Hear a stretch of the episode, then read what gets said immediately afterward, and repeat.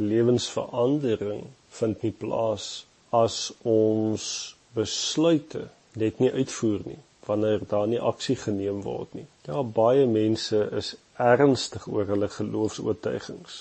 Hulle sê hulle het dit uitgesorteer oor die jare. Hulle het hulle gedagtes agter mekaar gesit.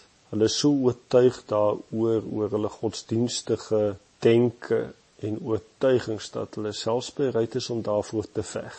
Maar tog is min mense gewillig om 'n nederige afhanklikheid hulle oor te gee aan die Vader in gehoorsaamheid en net die beginsels te gaan leef. Ja, gehoorsaamheid het 'n prys, naamlik om van jouself te vergeet en ander eerste te stel. God wil met sy hele hart ons denke, ons wil en emosies disipel verander na sy beeld. Dit is egter alleen moontlik as ons wil ten volle beheer oor die hele proses neem en alles in lyn met God se wil bring. Gehoorsaamheid is 'n belangrike sleutel in groei en verandering in mense se lewens. Sonder gehoorsaamheid sal die openbaring wat jy in jou gees alreeds het, nie grondvat nie en geen lewens gaan verander nie en ook nie die wêreld rondom jou nie.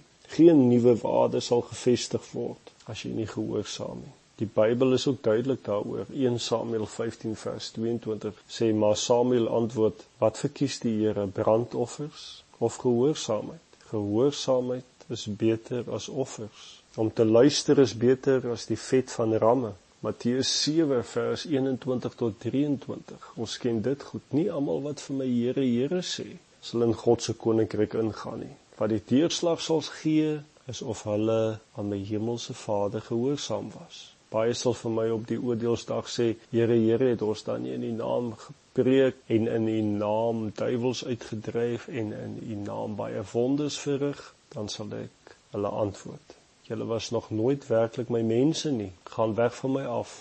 Julle het nie gedoen wat voor God reg is nie. 2 Korintiërs 2 vers 9 sê dit is juis hieroor dat ek geskryf het om kennis te neem van julle getrouheid en of julle in alles gehoorsaam die pad bly loop. Filippense 2 vers 5 tot 8 sê julle gesindheid moet soos Jesus Christus in wees. Alhoewel hy self God was, het hy nie vasgeklou aan die goddelikheid wat hom toekom nie, maar hy het dit prysgegee. Hy het 'n slaaf geword en aan mense gelyk geword. En toe hy as mens geleef het, het hy homself nog verder verneder deur tot die dood toe gehoorsaam te wees. Ja, tot die kruisdood toe. Gehoorsaamheid, weet ek, is nie die mees populêre onderwerp as daaroor in die gemeente gepraat word nie, veral nie vandag nie. Maar na aanleiding van hierdie tekste is dit beslis een van die belangrikste elemente in die geestelike groei van die gemeente, in jou geestelike groei.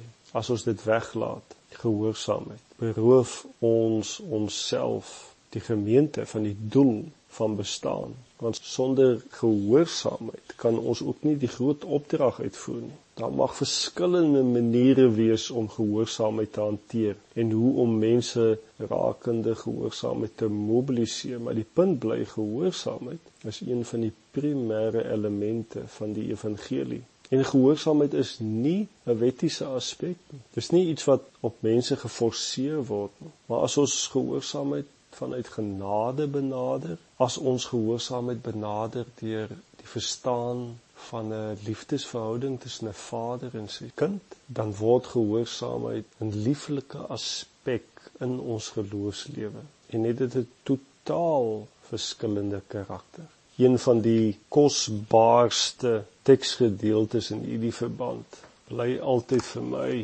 Johannes 14 vers 21 en 23 wie my gebooie het en die bewaar. Ander vertaling sê en dit doen en dit gehoorsaam. Dit is hy wat my liefhet en wie my liefhet, hom sal my Vader lief hê en ek sal hom lief hê en my aan hom openbaar. Die 23ste vers. Jesus antwoord en sê vir hom as iemand my liefhet, sal hy my woord bewaar en my Vader sal hom lief hê en ons sal na hom toe kom en by hom woning maak. Dit is vir my so kosbaar hierdie want as jy luister, as jy gehoorsaam. Is hier in hierdie teksgedeelte en Jesus sê dit. En dis nie om dit te kry nie, dit is net die natuurlike gevolg.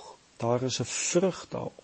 Daar is 'n resultaat. Daar's iets wat beleef gaan word. En dit is die Vader gaan jou lief hê. Jesus gaan jou lief hê en hy gaan homself aan jou openbaar, aan jou wys. Jy gaan hom ervaar. Jy gaan aan hom raak. Jy gaan hom beleef, intens beleef as 'n realiteit as jy my gebooie bewaar, as jy doen wat ek vir jou sê, as jy my gehoorsaam. En hierdie is nie so seer voorwaardelik nie. Hierdie is 'n uitnodiging tot liefde en gemeenskap en dit sien ons juis ook in die 23ste vers as jy my woord bewaar as jy my liefhet sal ek jou lief hê, sal my Vader jou lief hê en ons sal na jou toe kom en by jou woning maak.